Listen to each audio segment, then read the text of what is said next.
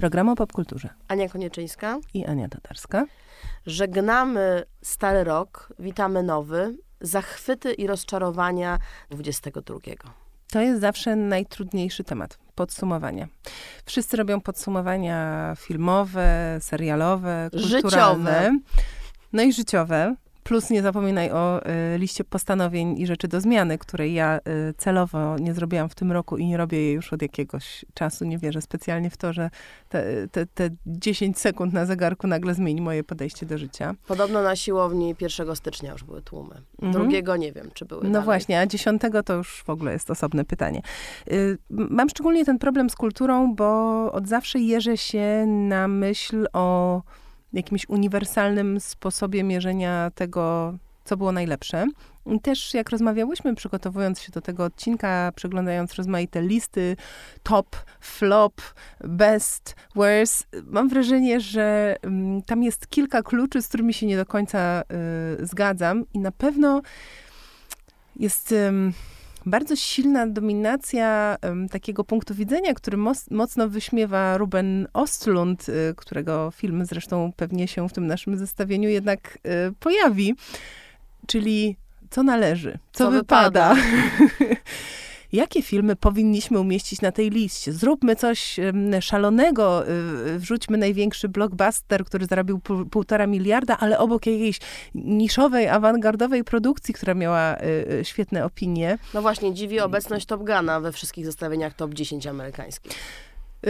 Też się nad tym zastanawiam, ponieważ y, miałam przyjemność bardzo dużą z seansu tego filmu. Też oglądałam go rzeczywiście po raz pierwszy tam, gdzie był po raz pierwszy y, w Europie. Dodam tutaj, sprecyzuję, bo się prawie zagalopowałam. Pokazywany, czyli w Cannes, y, po, ty, po tej zresztą słynnej premierze, gdzie nad miasteczkiem przyleciały wypuszczające kolorowy dym w kolorach flagi amerykańskiej jety, co bardzo krytykowano ze względu na to, jak krótko było to po początku wojny na, no, na Ukrainie. inwazja amerykańska na Aha. francuskie wybrzeże. Mhm. No ale wrażliwość y, mainstreamu na, na takie niuanse to jest temat na osobną, na osobną audycję. I wrażliwość Toma Cruza na, na a świat. To, a to już jest, potrzebowałybyśmy kanapy, żeby skacząc po niej ten, ten program poprowadzić. Albo jego na tej tam położyć. Ewentualnie i przywiązać, tak. Nie chcemy tego robić, nie? Tak, no myślę, że, że to jest, że to jest dobre, dobre kino rozrywkowe, ale tutaj ciekawsza dyskusja pewnie dotyczyłaby innych rzeczy, na przykład dlaczego najchętniej e, oglądamy e, powrót po 40 latach do kogoś, kto udowadnia, że blisko wieku emerytalnego wciąż jest w stanie przełamać e, barierę prędkości światła i dlaczego ta historia jest ciekawsza a myślisz, że to tutaj chodzi o przełamanie ageizmu, tak y, u, pod, u podbrzusza tego tematu, że to wcale nie chodzi o pieniądze wydane na akrobację, tylko właśnie o to, o kult Herosa, który się starzeje i dalej pozostaje Herosem? Jeśli tak, to to bardzo ciekawa interpretacja. No, to by była taka, powiedziałabym, interpretacja, można było, było dyskutować na jakichś studiach antropologicznych, aczkolwiek być może byłaby nieco naciągana. No ale wiesz, no to nie jest odosobniony przykład, ponieważ powiedziałaś mi, że Awatar jest jednym z twoich y, gdzieś y, ulubionych. Na w pewnym sensie, dodajmy, w pewnym, w pewnym sensie. sensie. Zaskoczeń y, na plus tak. tegorocznych. Tutaj też mamy powrót giganta. Po mm -hmm. drugiej stronie kamery, co prawda, no ale jednak. Może ja jestem dziwna i może jestem naiwna, ale ja też y, widzę trochę inną motywację w tych filmach, chociaż oczywiście ktoś powie właśnie, że naiwna, no bo przecież takie wielkie budżety, to tutaj trudno mówić o szczerej motywacji, ale dla mnie James Cameron jest jednym z ostatnich ideowców kina i Avatar, mimo tych swoich gigantycznych kilkuset e, milionowych kosztów i potrzeby zarobienia tam chyba dwóch miliardów, żeby to, to wszystko pokryć. No premiera w grudniu, a już prawie zostało to osiągnięte, bo mm -hmm. już się mhm. pnie y, w kierunku Mavericka, nie? Na tak, tak, już jest blisko, już jest blisko, blisko półtora, ale, y, ale ja, ja go gdzieś widzę w tej grupie właśnie ze Spielbergiem, y, trochę nie do końca to samo pokolenie, ale też z Del Toro na przykład, czyli takimi twórcami z wizją,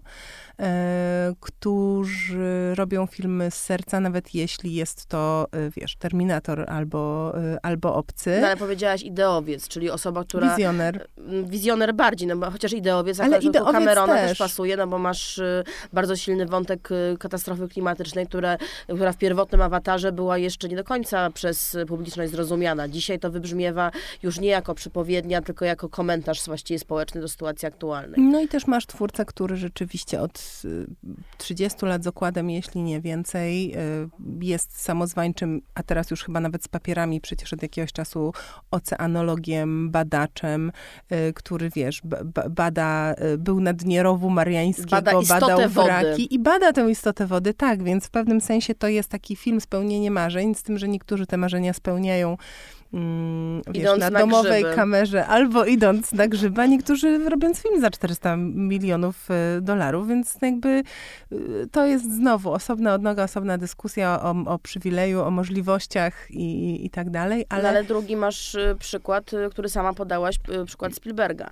Ja jestem antyfanką filmu Fabelmanowie, który znowu użyjmy słowa, które Anię denerwuje, czyli słowo hype, mocno wyhypowany film mm. jako podsumowanie, koronowanie, wręcz najlepszy film w karierze Spielberga. Y, moje wrażenie było takie, że jest to film manieryczny, w którym reżyser poddał się samemu sobie, znaczy przestał jakby siebie kontrolować, też przestał y, uważać na to, co robi, jakby nie miał trochę jakby zewnętrznego oka, jakby był już tak y, niekontrolowalny, czy właśnie nie wiem, nieomylny, że nikt mu nie powiedział, o kurczę, to chyba jednak nie tak, to chyba jednak jest konwencja, której y, nie da się ugryźć, bo to ani to, ni to baśni, ni to nostalgia, mm. ni to dystopia, ni to amatorskie wideo, nie mówiąc już o kreacji Michelle Williams, która y, mówi się, że dostanie Oscara, no. a powinna dostać malinę.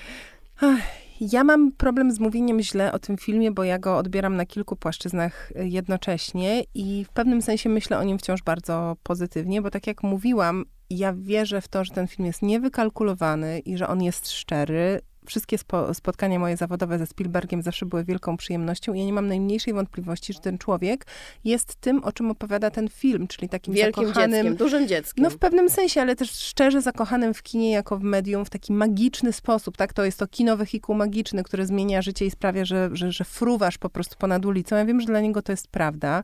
Wspaniale o tym zawsze opowiadał i tak samo wspaniale opowiadał zawsze o rodzicach, więc to, że ten film jako taka parabiografia um, funkcjonuje, myślę, że płynie z bardzo takiego wrażliwego, delikatnego miejsca i nie mam wątpliwości, że w jego wyobrażeniu to, jak ci rodzice zostali pokazani, a przecież to są jakieś wcielenia, wersje, mm, jest bliskie esencji.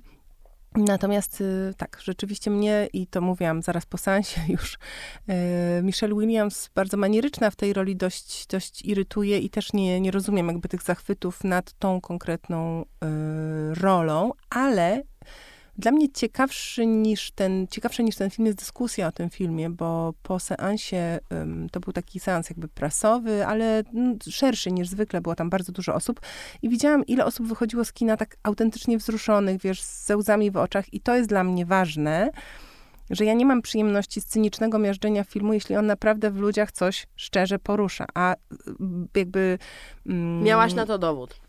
W pewnym sensie tak. Y, być może ja jestem troszkę bardziej cyniczna i nie mam też potrzeby mówienia komuś, jak śmiesz tutaj się na tym wzruszać, skoro ja uważam, nie, nie mam monopolu na decydowanie o tym, co, co, co do kogo trafia. Myślę, że ten film dla wielu osób może być bardzo piękny, bardzo otwierający drzwi do różnych. Y, Taka dyskusji, inicjacja w kino może. Tak. Mhm. I że z tej perspektywy absolutnie ja wspieram go i mam nadzieję, że dotrze do jak największej e, liczby widzów. Na pewno nie jest to film w żaden sposób szkodliwy, tak jak, nie wiem, 365 dni, prawda?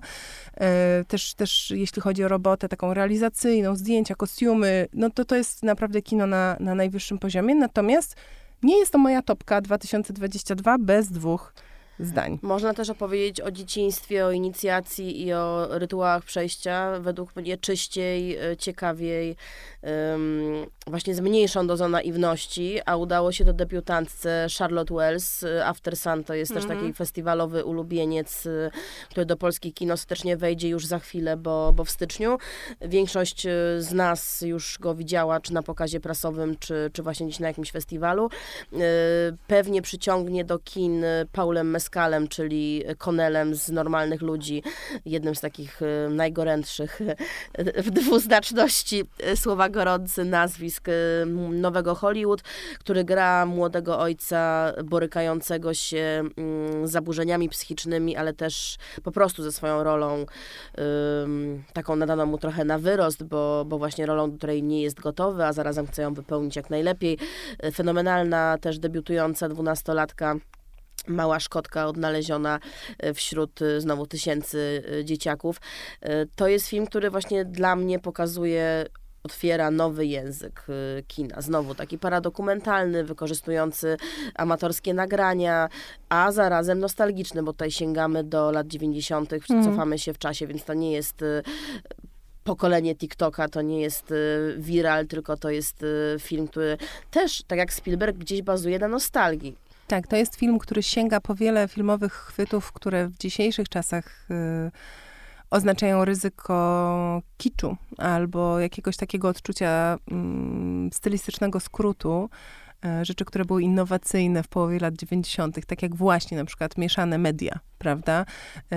Retrospektywy niestylizowane, tylko właśnie z wykorzystaniem innego nośnika. No przede wszystkim ta historia właśnie ojciec i córka na, na wakacjach, takie ulo, ulot, ulotne chwile, coś, co już nie wróci, coś, co się skończyło. Mm, no ktoś powiedziałby, że banał, a dla mnie ten film zrobił to, co szczególnie w tym takim zabieganym życiu dziennikarki filmowej jest dla mnie najważniejsze, bo tak niesamowicie rzadkie. To znaczy on mnie zatrzymał. Ja ten film obejrzałam w Cannes e, gdzie on debiutował i doskonale pamiętam, że tego samego wieczoru umówiłam się z koleżanką yy, i siedziałyśmy sobie na plaży, pijąc wino i rozmawiałyśmy, co nas zachwyciło na tym festiwalu, a to już był to już było po połowie festiwalu i tam było naprawdę bardzo dużo tytułów, w tym tytuły, które tu jeszcze będą padać, które intelektualnie y, uważam, że są majstersztykiem ten film mi wlazł tak strasznie głęboko pod skórę i siedziałam do, po prostu tak jak, wiesz, czułam się jak na ekranie, tak na tym piasku takim stygnącym po całym dniu, gdzieś, wiesz, ten piasek, w nim zapisane wrażenia po prostu wszystkich osób, które tego dnia e, po tej, po tej e, kanańskiej plaży chodziły i rozmawiałyśmy o emocjach i o życiu, czyli o tym filmie oczywiście, ale właśnie w taki sposób, który jest dla mnie najważniejszy, czyli że to potem w tobie zostaje, bo pamiętasz chwilę, do której jest przy, przylepiona produkcja i nie musisz, tak jak my często pod koniec roku, przygotowując się do tego typu podsumowań, przeglądać jakiejś długiej listy i mówić, o tak, to było ważne, tak, to było doniosłe, to było istotne dla zmiany kierunku, w jakim podąża w ogóle kultura popularna i tutaj tego, tego. Tak, ten tytuł od razu. Masz, ma, po prostu jest to jest mhm. zachwyt, to jest moment zachwytu. Dla mnie After Sun to był moment zachwytu. Nie mogę się doczekać, aż obejrzę ten film po raz, po raz kolejny i polecam go wszystkim, którzy chodzą, e, chodzą do kina. Według mnie najbardziej wyświechtane z określeń typu e, perła. Tutaj, tutaj pasuje naturalna, nierówna, inna niż wszystkie, absolutna perła i film, którego absolutnie nie wolno, nie wolno przegapić. I, I wiesz, mówić tak często, no to jest tam wielki początek kariery Charlotte Wells, albo tam Paul Mescal udowadnia, że tam coś tam zasłużył na miano naj, najlepiej rokującego. Nie interesuje mnie to. Ten film taki jak jest, jest dla mnie zamkniętą całością i on się absolutnie zapisuje na mojej liście ukochanych filmów ever.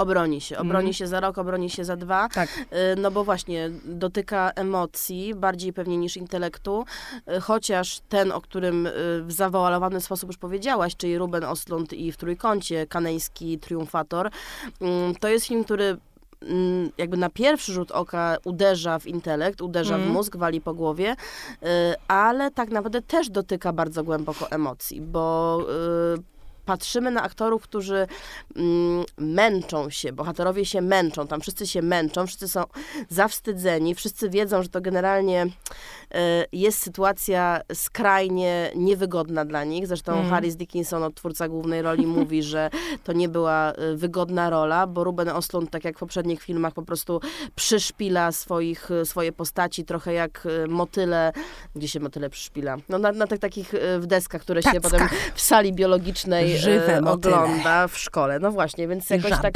więc on tak troszkę ogląda tych swoich bohaterów jak, jak żaby, wszystkie te ich śmieszności i wnętrzności mm. obnażając e, i obrazując. To jest film, który oczywiście odczytywa się na takim pierwszym poziomie można jako po prostu krytykę mm. kapitalizmu, czy też film o walce klas. Ale to jest o wiele bardziej... Ale to jest więcej. Tak. Ja y, absolutnie uwielbiam Ostrunda y, za to, że on z jednej strony nie ma filtra, ale z drugiej strony nie jest łapczywy, chociaż mogłoby się na pierwszy rzut oka wydawać inaczej. Dużo się mówi o tym, że on przekracza tabu. Myślę, że przy nim dyskusja byłaby raczej właściwsza, gdybyśmy się zastanawiali, czy tabu w ogóle jeszcze istnieje, a jeśli to w ogóle co nim jest i gdzie, i, i gdzie to jest on w tym swoim pozornym okrucieństwie, niektórzy tak piszą, ja tak nie uważam, w stosunku do bohaterów jest też niesamowicie demokratyczny. E, zresztą to też pamiętam z rozmowy z nim e, po premierze w Cannes, gdzie on mówił, że Mm, dla niego ta taka mm, gdzieś tam wygodna też dla, dla, dla y, liberałów, dla lewicy narracja, prawda, złe elity, y, tutaj y, dobra biedota i usuńmy możnowładców z jednego procenta, a świat się stanie lepszy, że dla niego to jest pewnego rodzaju naiwność, co zresztą nie powinno zaskakiwać, biorąc pod uwagę, że jest wychowany przez matkę zagorzałą komunistkę, i jak mówi, dyskusje polityczne u niego w domu miały miejsce od, od zawsze na, na takim najwyższym, najwyższym poziomie. Ale on jest bardzo uważnym obserwatorem z takim socjologicznym zacięciem, który jest w stanie wymierzyć policzek i dać klapsa każdemu, kto na to zasłużył. I tam nie ma właśnie paradoksalnie w tym świecie lepszych i gorszych, bogatszych i biedniejszych. Każdy jest równie wystawiony na ryzyko. Y, ja pamiętam, że miałam wątpliwości odnośnie decyzji jury w Cannes. Y, to nie była moja y, złota palma i wydaje mi się, że paradoksalnie, chciałam powiedzieć, ale może wcale nie paradoksalnie, ten wybór mówi więcej o pewnej dynamice rynku filmowego, naszych takich właśnie tych bardziej niszowych hypów, powiedzmy, nie komercyjnych, tylko tych niszowych, branżowych, niż o tym, że wygrywa mm, najlepszy. Ale czy najlepszy, czy film, który najbardziej właśnie przetrwa? Bo przy After Sun mówiłyśmy, że to jest instant classic, że to jest film, mm. który po prostu od razu wiemy, że trafi do, do kanonu. A czy w Trójkącie jest właśnie czymś przyczynkarskim, publicystycznym, czy też jest y, kanonem? Bo dla mnie na przykład jest też tym rodzajem myślę, instant że, Myślę, że ten film idealnie trafia w moment i też Oslund jest takim twórcą, którego krytycy bardzo lubią, czyli jest twórcą konsekwentnie budującym swoją markę. To jest coś, czego w pewnym sensie nie miał i nie ma wciąż Spielberg, za co go zresztą wielokrotnie krytykowano, także nie jest twórcą jednej idei, którą na różne sposoby ilustruje w kolejnych filmach, tylko że non-stop zmienia front, zmienia punkt widzenia, zmienia gatunek. Ostlund jest Ostlundem, który się rozwija i ewoluuje na oczach widza, ale ta droga jest w pewnym sensie klarowna. Jej kierunek jest przejrzysty, jego zainteresowania mm, są niekwestionowane. Ja uważam, że nawet jeśli nie Złota Palma, to y, osobna kategoria Złotej Palmy dla Oslunda za y, niepodrabialne i wybitne y, poczucie humoru. Uważam, że nasz wogowy kontekst tutaj zobowiązuje, żeby wspomnieć o scenie Balenciaga Pose, H&M Pose. Kto widział film, wie o czym mówię. Kto nie widział, to go niech zobaczy i obiecuję, że na tej scenie się będzie po prostu śmiał przednio, bo oko Ostrlunda do mechanizmów, y, no często absurdalnych i zabawnych, takiej jakby popkulturowej machiny jest po prostu bezbłędne, naprawdę. No i krytyka influencerów też y, po łechce przyjemnie kilka osób. Co jeszcze nam się podobało? Co jeszcze mi się podobało w taki sposób y, zaskakujący też może, bo mówiłaś, że paradoksalnie, y, paradoksalnie coś się wkradło w twoje serce. Dla mnie paradoksalnym sukcesem są duchy y, z Inisherin, dlatego że ja co do zasady mm, nie przepadam za kinem, które jest teatralne, które jest upozowane, które jest zamknięte w pewnym mikrokosmosie i tutaj Martin McDonough, twórca teatralny, bardzo silnie korzysta korzysta z tych e, środków i narzędzi ze sceny. Zupełnie mi to tutaj nie przeszkadza i nawet podoba mi się, że to jest e, jakby oglądane na scenie. Colin Farrell e, przechodzący metamorfozę. Ania tutaj kiwa zaraz głową, zobaczymy co, co na ten temat mi powie, ale dla mnie ten Colin Farrell inny, pokazujący taką inną jakąś męskość, złamaną męskość, nieciekawą męskość, nudną męskość. No i przede wszystkim temat męskiej przyjaźni, który w kinie jest wyzyskiwany zazwyczaj w postaci bromance z komedii Wedding Crashers, tudzież Cats mm. Vegas, że chłopcy razem piją i oglądają striptease. Tutaj jest pokazany y, rozpad przyjaźni wieloletniej męskiej. Rozpad przyjaźni dlatego, że jeden z mężczyzn, nie Colin Farrell, tylko um, Brendan Gleeson, starszy od niego, stwierdza, że mało mu czasu w życiu pozostało, więc nie marnuje go już na znajomość z kimś, kto tak naprawdę go nie karmi, kto nie daje mu niczego więcej poza y, codziennym zapychaczem czasu. I ta decyzja o zerwaniu przyjaźni prowadzi do tragicznych wręcz konsekwencji, no bo mężczyźni znowu nie rozmawiają o uczuciach, więc jakby nie potrafią też o końcu pewnych uczuć, yy, podejść do końca pewnych uczuć w sposób dojrzały. To się wydaje, że mm, jednocześnie jest to film bardzo potrzebny, znowu tak jak w Trójkącie, wpisujący się w dyskusję bardzo aktualną na temat kryzysu męskości, na temat wreszcie yy, wychodzących na jaw męskich emocji. Z drugiej strony mam poczucie, że jest to film nakręcony za późno, bo ten temat powinien był być poruszony już dawno, a z trzeciej strony mam poczucie, że za wcześnie, bo myślę, że w Polsce to jest jakby wciąż jeszcze moment, kiedy hmm. nie jesteśmy na to gotowi. Ja tutaj tylko uporządkuję i dodam, że tak jak już mówiłyśmy, część tych filmów e, wspominanych nie miała jeszcze premier, ale one są wszystkie zaraz, zaraz, bo e, na przykład e, After Sun 3 lutego, w Trójkącie 6 stycznia, Czyli dzisiaj. Tak jest. Duchy Inisherin 20 stycznia, E, I tam coś jeszcze No było, duchy ale... to jest Oscarowy pewniak. Mówi się przynajmniej o tym jako Oscarowym pewniaku. Ja kiwałam głową, bo się z tobą absolutnie zgadzam. To znaczy uważam, że y, jest osiągnięciem y, w ogóle wiekopomnym, chociaż nie wiem, czy wystarczająco właśnie spektakularnym, żeby być dostrzeżonym przez rozmaite gremia y, nagrodowe. Stworzenie takiej kreacji przez Colina Farella, bo to jest rola, która by z łatwością mogła być minimalnie przyciągnięta i natychmiast lądowałaby po stronie groteski, takiego Steve'a Carella ze złego okresu. A, a, a grany przez niego Kolm, bo tak mi się wydaje, ten bohater się, e, się nazywa, jest nieporadny, jest irytujący, jest, jest czuły. Y, Ale empatyzujemy z nim w każdym to, momencie. W ogóle tutaj kreacje aktorskie są niesamowite. McDonough, którego kojarzymy z trzy billboardy za Ebbing, e, Missouri, e, rzeczywiście ma zaplecze teatralne i dla mnie zwykle słowo teatralny w opisie filmu oznacza czerwona flaga strzeż się. Natomiast tutaj mimo y, no właśnie takie, ta, ta, takiego rodowodu tego, mm, tego tekstu sprawdza się to doskonale, bo oznacza wyłącznie kameralny, intymny, bliski, skupiony na bohaterach, y, ale również językowo ten film to jest no, majstersztyk. To jest w ogóle trzy poziomy wyżej niż większość filmów, które oglądamy. Nawet jeśli wtedy mówimy, że właśnie interesujące, trzymające w napięciu dialogi, to te dialogi nie stały nawet obok tego, co się dzieje w duchach Inisherin.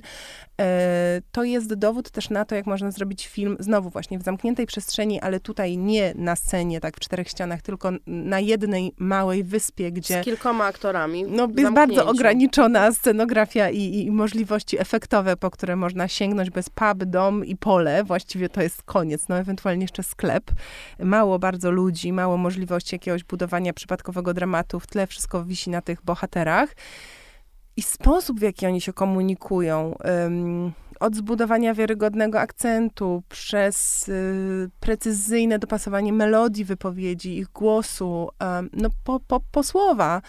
Y, jest to absolutnie coś niesamowitego. Jestem ciekawa, na ile na ile jest to ciekawe dla widzów, którzy się zwykle tego typu rzeczami nie, nie, nie ciekawią i jakby nie szukają doświadczeń językowych w kinie, bo przecież jesteśmy różni. Niektórzy po prostu oczekują dobrej, wciągającej opowieści, akcji i wcale nie jest dla nich dodaną wartością, że film jest świetnie napisany.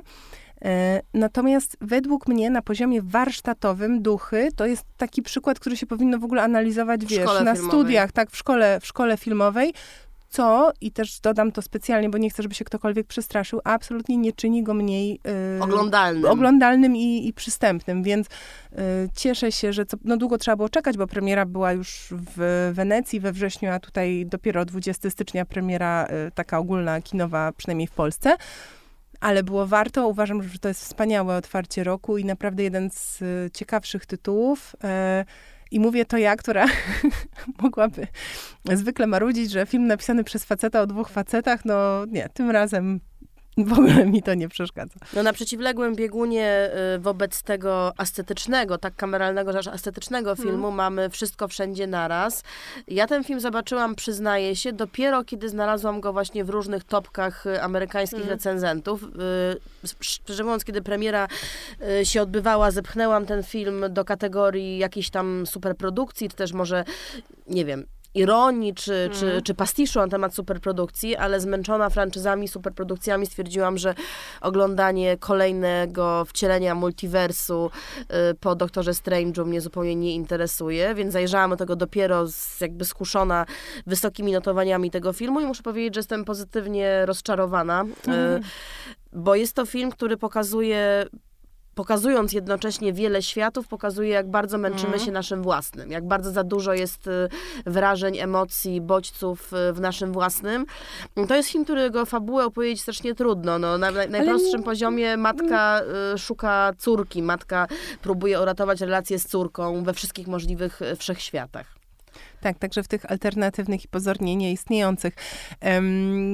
Dla mnie ten film e, idealnie ilustruje termin przeładowanie sensoryczne i dlatego uważam, że on może być trudny przy pierwszym podejściu, bo tam się po prostu tak niesamowicie dużo dzieje, a że jest to opowiadane w sposób inny niż ten, do którego przyzwyczaiły nas na przykład e, rozmaite Marvele, gdzie się przechodzi między rzeczywistościami, to wiem, że on po prostu potrafi być bardzo intensywnym doświadczeniem. Bo Marvel zawsze rozładowuje napięcie, zawsze jest taki moment moment tam tak. sytuacji komicznej, jakiegoś dialogu o uczuciach, I, i tutaj, jakby świadomie się widzę. I tutaj poczucie steruje. humoru też jest, jest fantastyczne, ale ono też znowu jest no minimalnie bardziej abstrakcyjne i wysublimowane, więc rzeczywiście nie ma takich po prostu dłuższych momentów, żeby tak sobie siąść i to wszystko poukładać. Tutaj to cały czas pędzi, pędzi. To jest absolutnie obietnica zawarta w tytule zostaje mm, spełniona. Ten film jest hiperintensywny.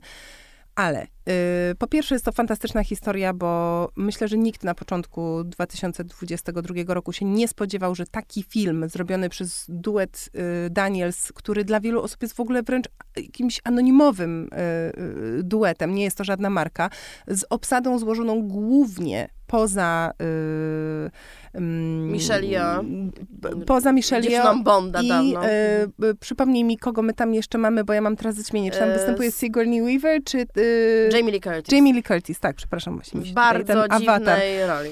Ale to są... Yy, Jamie Lee Curtis tam występuje no jednak w roli drugoplanowej, takiej wręcz epizodycznej, tak? Więc jakby tutaj nie było znowu magnesu takiego mocnego E, komercyjnego. Co więcej, no, mm, już przy okazji Crazy Rich Asians mówiło się o tym, że ta przestrzeń dla bohaterów y, azjatyckich jest totalnie przez kino komercyjne niezagospodarowana i y, Wszystko Wszędzie Naraz, które miało o wiele lepsze wyniki finansowe, też pokazuje, że się nie ma co, nie ma się czego bać i że absolutnie można E, można w tę stronę iść, bo wcale ludzie nie mają problemu z tym, żeby się identyfikować z bohaterem, który ma inny kolor skóry niż on.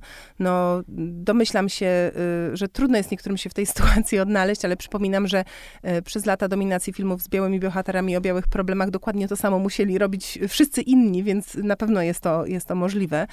E, więc y, no, ta historia jest też bardzo ciekawa. Właśnie ta Michelle Yeoh, która tutaj w pewnym sensie wraca, ona już też wraca od jakiegoś czasu, ale no, wraca znowu do tej pozycji heroiny i e, w Stanach Zjednoczonych e, ląduje teraz, znowu teraz, już długo przecież po premierze na okładkach różnych wpływowych magazynów, jest właśnie mm, jedną z faworytek do, do nagród, zasiada przy tych stolikach, gdzie się rozmawia o najciekawszych rolach, więc ewidentnie właśnie wokół tego filmu jest taki trochę kinofilski hype, E, Połączony z box office'owym sukcesem, co się tak często jednak nie zdarza. Tak, i też ostatnia taka rzecz, która mnie gdzieś bardzo w tym sukcesie cieszy, to znaczy, że ten film po prostu jest tak wariacki, tam jest tyle pomysłów, które wyobrażam Siedem sobie... filmów można by z tego Ale wiesz, że w normalnych warunkach taki egzek ze studia mówi, nie, nie, absolutnie nie możemy tego zrobić, to nie przejdzie. Co? te parówki. Parówki zamiast palców mhm. chyba was pogięła. A, jakby, a tutaj jest wszystko to, co myślicie, że nie może być pokazywane w filmie, który ma zarabiać pieniądze. Tutaj jest i jest to super. No i gdzie jeszcze nie może być pokazywane? Do ostatniej kości. To jest film, który wydawałoby się, że nie mógłby powstać. Czyli Luca Guadagnino o nastoletnich kanibalach, którzy podróżują po y, Ameryce, am, mm. American Wasteland w poszukiwaniu y, no, miłości, czyli, czyli kości, kości miłości. Y, coś, co kilka lat temu, no właściwie aber, uznano by za aberrację. Dla mnie to jest absolutnie genialna historia. Po pierwsze, dlatego, że przecież ten film powstał na podstawie y, scenariusza stworzonego na podstawie książki, która jest literaturą młodzieżową i takim w sumie młodzieżowym romansidłem. Więc jeśli pomyślimy sobie młodzi kanibale, prawda, no to właściwie stąd niedaleko do zmierzchu, a jakby o ile inny jest to, jest to klimat. Po drugie, y, Bones and All, do ostatniej kości, to jest anglojęzyczny i amerykański pod względem produkcji bo te dwa warunki tutaj są spełnione. Debiut e, Guadagnino e, mm, i od razu debiut w tak ciekawej przestrzeni, który udowadnia, że ten autor, który oczywiście ma na koncie filmy lepsze i gorsze, chociaż według mnie nie ma złych, tak? Tylko niektóre są po prostu genialne, wspaniałe i kultowe, a inne tak trochę przeszły bokiem, ale też były ciekawe, że on ma tak osobny głos w kinie współczesnym, że to jest z jednej strony niesamowity intelektualista, który potrafi właśnie wygrzebać taki przeciekawy, przekrojowy, socjologiczno-historyczny potencjał z no, tekstu właściwie typu właśnie young adult, e, zatrudnić do tego ludzi, którzy dla, dla każdej innej osoby byliby niezatrudnialni, bo przecież wiadomo, że Timothée Chalamet do tej pory mówi głośno, że zawdzięcza mu karierę i też dlatego się zgodził w tym filmie e, wystąpić, mimo że pewnie, tak jak mówiłaś parę lat temu, parę lat temu agent by mu powiedział, absolutnie nie wolno ci wziąć w tym udziału, to cię zniszczy, tak? E, I jeszcze właśnie do tego ten film e, zrobiony w Stanach, które szczególnie na tych obszarach, gdzie się film rozgrywa, podejrzewam, wciąż są dość konserwatywne, jeśli nie wręcz purytańskie. Mm, a tutaj to, to cało zjadanie, bo to przecież o to chodzi, jest z jednej strony takie fizjologiczne i pierwotne, ale z drugiej strony no, ale jest gorowe i makabryczne. Gorowe, makabryczne, ale też jest takim na, na maksa skrajnie kontrkulturowym, kontestacyjnym gestem pokazania środkowego palca wszystkiemu, czym jesteśmy zalewani, co nas przez przymus w pewnym sensie kształtuje, tak, jest gestem jakby um, samodzielnego wyrzucenia się poza nawias społeczeństwa i powiedzenia już nie mogę z wami, więc idę sobie, tak, i tu będę żył. No według mnie to jest tak ciekawa baza do rozmowy, też ten film i jeśli ktokolwiek jest w stanie w sobie przełamać lęk przed tym, że tam rzeczywiście są, chociaż nie tak dużo, jakbyśmy są chcieli. Są bebechy, jest krew, są flaczki, ale y, dodam, że e, oboje aktorzy mówili, że, mm, znaczy właściwie więcej niż oboje, bo też rozmawiałam z Markiem Rylancem o tym, że tych scen y, bardzo dużo pokazujących, czy to pod względem właśnie jedzenia, spożerania, ale też seksu na przykład, było dużo więcej. I że jakby, że to zostało wyrzucone, tak? Że to nie jest twórca, który się nastawia na szokowanie poprzez... Epatowanie. Epatowanie, mhm. Mhm, tak.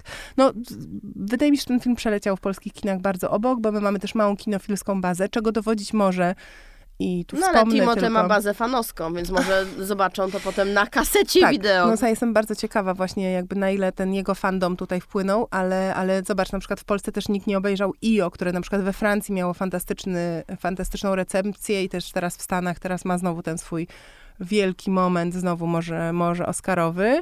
Natomiast no, do ostatniej kości w Polsce mam wrażenie jakoś tak przeszło, przeszło bokiem. Może nie do końca było wiadomo, kto ma ten film obejrzeć. Czy dzieciaki, czy fanki Szalameta, czy fanki Guadagnino, czy może ludzie, Fani którzy mają horroru, czy arthouse'u. Dokładnie. Tak, znaczy to właśnie połączenie gatunków y, tutaj mogło być y, lekko confusing. To Na jest... pewno confusing było, wiesz co, blondynka, tu oh. szczyt epatowania. Rozmawiałyśmy o filmie wiele miesięcy temu. Teraz spadamy ze szczytu tutaj w dół, au, au. E, tak, no właśnie niestety.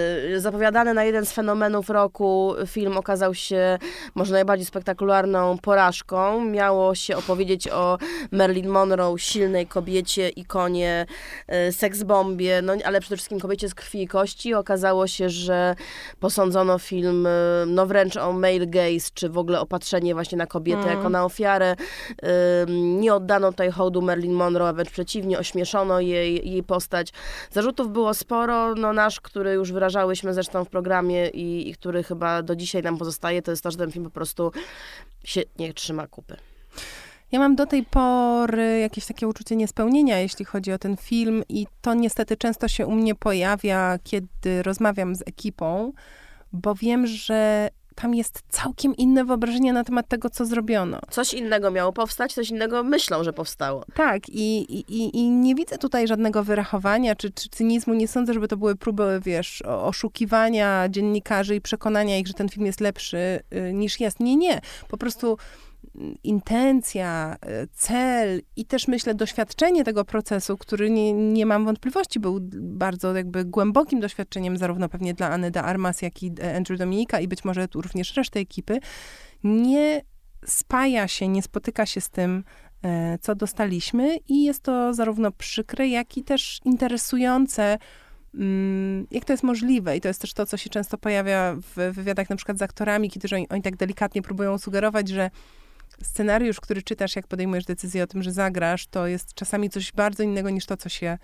e, ogląda mm, na ekranie, więc dla mnie Blondynka pozostaje taką produkcją, gdzie jest y, wiele pytań, ale na pewno nie ma ani odpowiedzi, których niektórzy chcieli, ani, ani zachwytów, e, które miały być.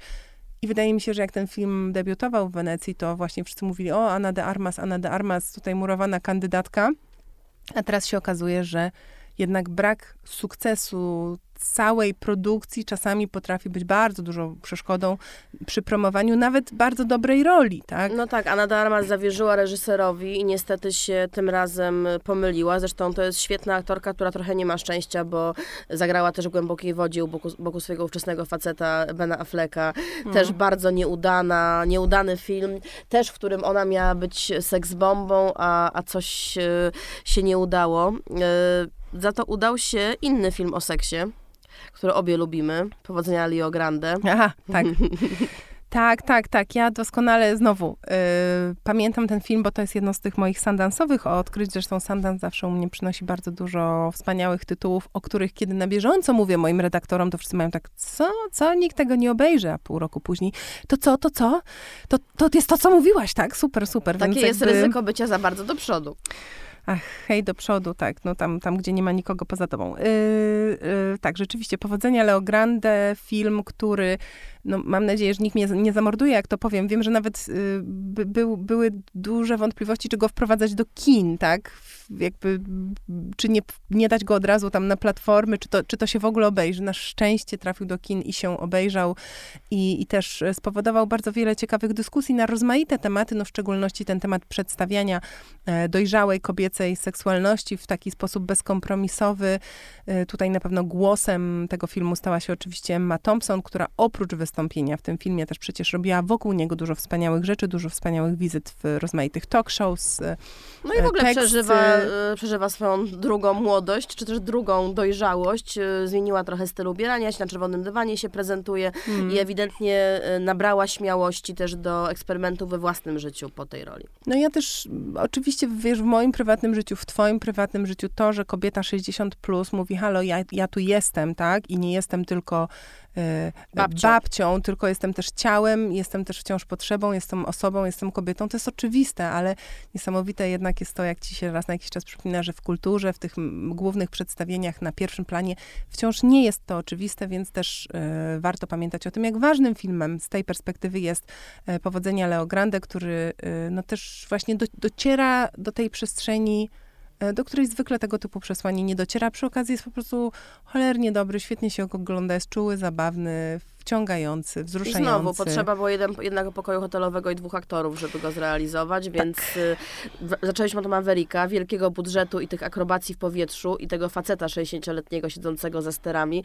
Tu mamy kobietę 60-letnią, no i znowu też jakby mówiłyśmy o ageizmie, no ale popatrz, no i tak ten wizerunek jest trochę inny. Tutaj mm. mamy pana pilota po prostu wszechmocnego, a tu mamy kobietę, Napiętego. która... A tu mamy kobietę, jego rówieśniczkę, która, kurczę, no w 2022 roku dopiero domaga się prawa do, do ciała, do seksu, do przyjemności. Dopiero teraz widzowie uznali, no dobrze, y, dajmy jej to prawo. Ja jej daję to prawo, bo wiem, że to jest prawo, z którego sama mam nadzieję w przyszłości y, korzystać, a jeśli chodzi o rok 2022, to chciałabym jeszcze tylko dodać, bo to jest coś, co się często gubi, że był to też super rok dla dokumentów, dokumentów, które się często pojawiają na różnych festiwalach, y, takich, o których się dużo pisze w kontekście Czerwonego Dywanu, ważnych nagród i premier, ale te dokumenty gdzieś tam nam umykają i żeby pokazać, jak e, podsumowania roku potrafią być czasami wielkim miksem, e, powiem tylko, że takie trzy dokumenty, które ja sobie zapisałam, e, film balkonowy, mm, Wulkan Miłości i Przeżyć, to są filmy, które wszystkie miały premierę w Polsce w 2022 roku, a swoje jakby premiery oryginalne miały w Locarno, czyli w sierpniu 2021. E, na Sundance e, też 2021, czyli to był styczeń. E, a Wulkan Miłości chyba Sundance 2022, ale nie chcę skłamać, czyli y, rozsypane to jest na przestrzeni znowu ponad, ponad roku i gdzieś próba uśrednienia tego też, no, taka w sumie trochę sztuczna. Najważniejsze jest to, że tak, że dokumenty mają się dobrze, też dokumenty trafiają do kin, są u nas dostępne na, na platformach, czy to na osobnej platformie, na właśnie specjalizującej się w dokumentach, ale też u tych dużych streamerów coraz, coraz więcej jest filmów, które nie są tylko takim, wiesz, tam reality TV w tym sensie dokumentalnym, tylko też po prostu war wartościową filmowo, narracyjnie opowieścią. I mam nadzieję, że, że widzowie się też będą coraz mniej bali I dokumentów. też, że będą się mniej bali form pośrednich, bo nie wspomniałyśmy jeszcze o moim objawieniu polskim tego roku, czyli Chlebie i Soli. Mhm. To jest film, który e, zdobył nagrodę w Wenecji, trafi do kin wreszcie polskich e, 27 wkrótce, stycznia. 27 stycznia. E, Film absolutnie wspaniały właśnie tego, że łączy konwencje, trochę w nim dokumentu, trochę w nim podglądactwa, trochę w nim e, takiej poetyckiej wręcz opowieści, e, poetyckiego przyglądania się światu. Mm, To jest opowieść o inności, o polskości, y, o tym, co sprawia, że uważamy kogoś za obcego. Y, Bardzo polecamy, bo jest to tak jak w After Sun, przynajmniej dla mnie, taki czysty, nowy, świeży, świeży język kina. Mm, To, co mnie rozczarował, bo miało być nie tylko o dobrych, Mhm. ale i o złych, to rozczarował mnie w ogóle rok w serialach. Jak wiesz, ja jestem zdeklarowaną fanką y, produkcji wieloodcinkowych i tak jak filmy budzą we mnie emocje czasami, tak seriale są moim po prostu absolutnym konikiem, moją obsesją. W tym roku nie miałam się do końca na czym zatrzymać. Jeśli już, to na kontynuacjach produkcji, które lubię i które są kameralne, które są mało popularne, ale które po prostu lubię, y, czyli to jest Hacks o dwóch pokoleniach kobiet, to jest Lepsze Życie, podsumowanie, ostatni piąty sezon serialu o macierzyństwie y, w Hollywood i trzeci to jest Rdzenni i Wściekli, y, za którym stoi Taika Waititi, o dzieciakach, to jest zupełnie inna opowieść coming of age, o dzieciakach z rezerwatu Mhm. rdzennych mieszkańców Ameryki, więc takie trzy po prostu, jak znowu powiedziałaś, perełki, też nie lubię tego słowa, ale użyjmy go, E, trzy perełki, a poza tym kilka superprodukcji, które zupełnie nie wypaliły. E, Dla mnie nie wypalił oczywiście Władca Pierścieni. The Crown. Średnio wypalił The Crown, średnio wypalił Sandman. Jestem wielką wroginią Wednesday, e, mimo tego, że znajduje się w różnych topkach, w tym topce Mhm. oglądalności Netflixa, bo uważam, że to jest serial napisany przez boty i algorytm, który Mhm. bierze po prostu po, po uncji, po, po, po kilku szczyptach z różnych produkcji, które się udały i tworzy jakiś taki bezduszny, pozbawiony człowieczeństwa miks, mimo fajnej roli Jenny Ortegi tytułowej. No i Ród Smoka, o którym rozmawiałyśmy zresztą w pierwszym odcinku, który nas obie zachwycił, ale myślałyśmy chyba, że to będzie mm, serial, który zostanie przebity w tym roku, a, a właściwie nie. Właściwie wciąż znajduje się w moim przynajmniej prywatnym, e, na moim prywatnym podium. On jako najlepszym pisze się o DBR, który pewnie w takim lepszym roku dla seriali znalazłby się w pierwszej dziesiątce, ale nie na nie, nie jako złoty medalista. Serial Mhm. o, o, o kucharzu, który w świetny sposób pokazuje y, napięcie, emocje, bodźce, które panują w kuchni. Trochę tam jest oczywiście społecznej, socjologicznej podbudowy, ale, ale przede wszystkim jest to działanie jakieś wielozmysłowe, synestezyjne tego serialu, które robi fajne wrażenie. No ale właśnie, no mamy Deber, który, mówię, u, uszedłby w pierwszej dziesiątce w dobrym roku, w tym kiepskim roku y, jest na topie. Mamy Ród Smoka, który też jest lepszą wersją gry o Tron, ale jeszcze niedoskonałą. Mamy kilka potknięć. No i Białego Lotosa, o którym rozmawiałyśmy, który w drugim sezonie y, jeszcze mocniej wchodzi y, do, do kanonu.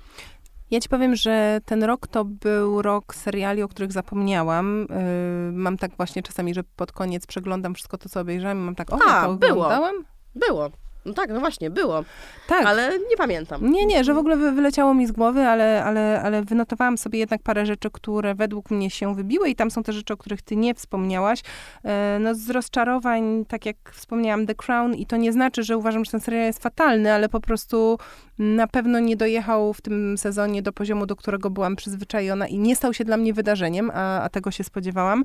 Moim osobistym rozczarowaniem jest znajdujący się w wielu topkach Andor, ale może to jest kwestia tego, że ja nie jestem tutaj mm, targetem, natomiast ta, dojrzałość narracyjna i całkiem inna perspektywa, o której wie, wiele osób wspomina, dla mnie oznaczała po prostu koszmarną nudę. Ja ten serial wyłączałam po trzecim odcinku, stwierdziłam, że po prostu nie zmarnuję ani minuty życia więcej na, Najbardziej na psychologiczny niby serial Niby. z tego uniwersum Gwiezdnych Wojen, tak naprawdę dokładnie. Po Co da, dla, mnie, po, dla mnie to powinien być argument y, za, a stał się argumentem y, przeciw. Wynudziłam się jak mops. Y, ale tych dobrych tytułów było więcej. Ja już też nie będę o nich mówić y, dokładnie, ale tylko wspomnę, że u mnie y, absolutne zaskoczenie, serial, na który wpadłam przypadkiem i który był dużo większym hypem właśnie w Stanach niż w Polsce, czyli Pachinko.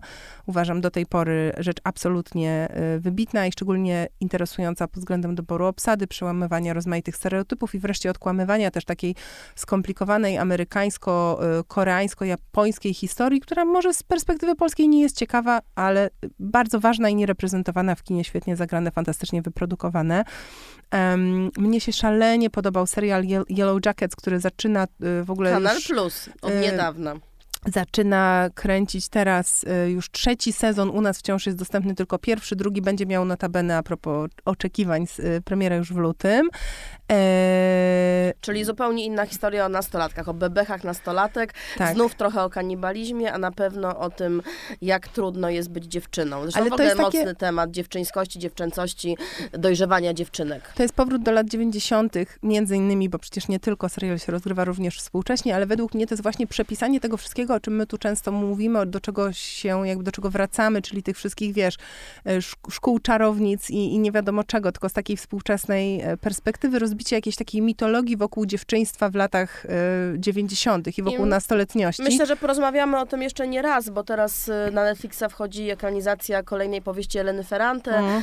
też reboot, czy też sequel Różowych lat 70., toczący się właśnie w latach 90., więc ja myślę, że Ameryka sobie właśnie, nie tylko Ameryka, Ameryka, że y, kino sobie ogląda te lata 90. Mhm. Y, krytycznie i, i będzie zaprowadziło do jeszcze kolejnych fajnych wniosków. Ja bym tutaj jeszcze wspomniała o trzech produkcjach i bardzo mnie cieszy to, że właściwie one wszystkie mają e, kobiety lub kobietę e, w centrum. To był e, całkiem zaskakujący na koniec roku prezent od losu, czyli serial Angielka, który wiem, że się wielu osobom nie podobał. Ja potrzebowałam chwili, żeby mu zaufać, ale jak już w niego weszłam, to byłam absolutnie zachwycona i lubię Emily Blunt oglądać w takich ambitnych odsłonach i bardzo lubię, jak popularne produkcje sięgają właśnie po nieopowiedziane historie, a historie, które powinny budować naszą współczesną świadomość, więc też chwała twórcom za to, że, że pokazują, e, no, z czego zbudowana jest współczesna Ameryka, a to są rzeczy, o których niekoniecznie, niekoniecznie wiemy. E, serial Siostry na zabój, e, mała głupotka, mm, mm, komedia kryminalna, w której pięć sióstr chce ukatrupić męża jednej z nich, bo on jest najgorszy i właściwie powiedziałabym, że mieliśmy film Najgorszy człowiek na świecie. Otóż nie, najgorszy człowiek na świecie to jest właśnie ten bohater. E, w tej roli notabene Claes Bang, znany właśnie z The Square Rubena Oslunda i uważam, że jeśli miałybyśmy kategorię pod tytułem najlepsza rola czarnego charakteru, to bezdyskusyjnie idzie ona do niejakiego właśnie Johna Pola. Wszystkim polecam. To są krótkie odcinki, mm, taki serial kameralny, y, europejski, europejski humor. Nie zawsze jest tu genialnie, ale super dynamika między bohaterkami. No i właśnie ten bohater, którego się po prostu wręcz nie da, nie da oglądać. Po prostu nie, nie wiem, czy można napisać gorszą, y, bardziej odpychającą postać. Jest to niesamowite osiągnięcie. No i na końcu serial Apple, y, Lśniące dziewczyny. Mnie się ten serial szalenie podobał. Um, serial też, um, gdzie jest nieoczywisty motyw, motyw podróży między momentami w czasie, czyli mamy z jednej strony trochę jakby sci-fi, ale z drugiej strony jest to taki serial o, o życiu dziennikarzy, o śledztwie kryminalnym e, z niesamowitą e, Elizabeth. O właśnie teraz się rąbnę, bo chciałam powiedzieć Elizabeth Olsen, ale przecież... Przecież to Moss. To jest Elizabeth Moss. Ja zawsze to robię. Ania, nie wiem, kiedy mi się to skończy, naprawdę. A mm. Olsen mm. zagrała w serialu innym, True Crime, prawda? Tak. E, nie, chodziło o Elizabeth Moss, E, i, i Boże, nie Gabriela Murę, tylko Wernera, Wagnera. Wagnera Murę. Wagnera Murę. E, tak, super nieoczywisty duet i też trochę taki serial, no w ogóle jakby inna rzeczywistość, ale który robi to, co gra o tron, czyli nie boi się zamachnąć na, na ważnych bohaterów, jeśli jest to potrzebne. Mm, I taka jedna rzecz jeszcze, którą tutaj dostrzegłam, która wydawała mi się dość ważna, to znaczy tutaj to jest serial o, o seryjnym mordercy kobiet, e, który te kobiety zabija w sposób, który przez kino przez lata byłby pokazywany jako fetyszyzujący. Fetyszyzacja martwego kobiecego ciała i ofiary, a ten serial jest o tym, a tego nie robi. I dla mnie e, gdzieś to było mm, no, takie bardzo przełomowe i, i zapadające w pamięć. Czyli na przeciwległym biegunie znowu do Damera, którego można uznać za jeden z najgorszych Bo, seriali. Zdecydowanie, tak jest. Idolizing y, seryjny morderca. Tak jest, tak jest. Tu kobiety są zabite raz, a nie ponownie, wielokrotnie przez mail, gaze i uprzedmiotowienie tutaj tego zdecydowanie nie było. No, czyli tak jak zawsze, szukamy w kinie i telewizji kobiecości, rozumianej wielorako, szukamy dziewczyńskości, szukamy reprezentacji, szukamy równości, yy, polecamy to, czego jeszcze nie widzieliście, a co my już miałyśmy przyjemność zobaczyć i szykuje się naprawdę ciekawy rok, nie tylko w uniwersum Marvela. To prawda i też myślę sobie, że warto, warto jednak poświęcić te parę dodatkowych minut i czytać trochę o tym, co się dzieje na festiwalach, na, na różnych wydarzeniach filmowych. Też nie tych tylko, o których się pisze zawsze najwięcej i, i najszybciej. Jest świat po, po, poza Złotymi Globami, jest świat poza, e, poza Oscarami. E, kochasz komercję, nie bój się kin, kina artystycznego. Kochasz kino artystyczne, nie bój się komercji, dlatego że żyjemy w czasach zacierających się podziałów. Gatunek staje się terminem coraz bardziej anachronicznym. Filmy, które są wielu, wielogatunkowe albo właściwie ponadgatunkowe, to jest y, dzisiaj standard i bardzo mnie to cieszy, bo wydaje mi się, że te ograniczenia mm, tylko szkodzą wyobraźni, a bez wyobraźni nie ma kina, no. No i o tym jest nasz podcast, że przyjemność, guilty pleasure już właściwie nie ma racji bytu. Każde pleasure jest guilty, każdy pleasure jest nie guilty. A w ogóle popkultura to jest takie słowo, myślę, że wkrótce będziemy je musiały usunąć, bo ono sugeruje, że popkultura jest czymś osobnym w stosunku do, do kultury, kultury, a to jest właśnie dokładnie nieprawda. To wszystko jest, yy, wszystko wszędzie naraz, tu. o. Z multiversum żegnamy się. Do usłyszenia. Do usłyszenia.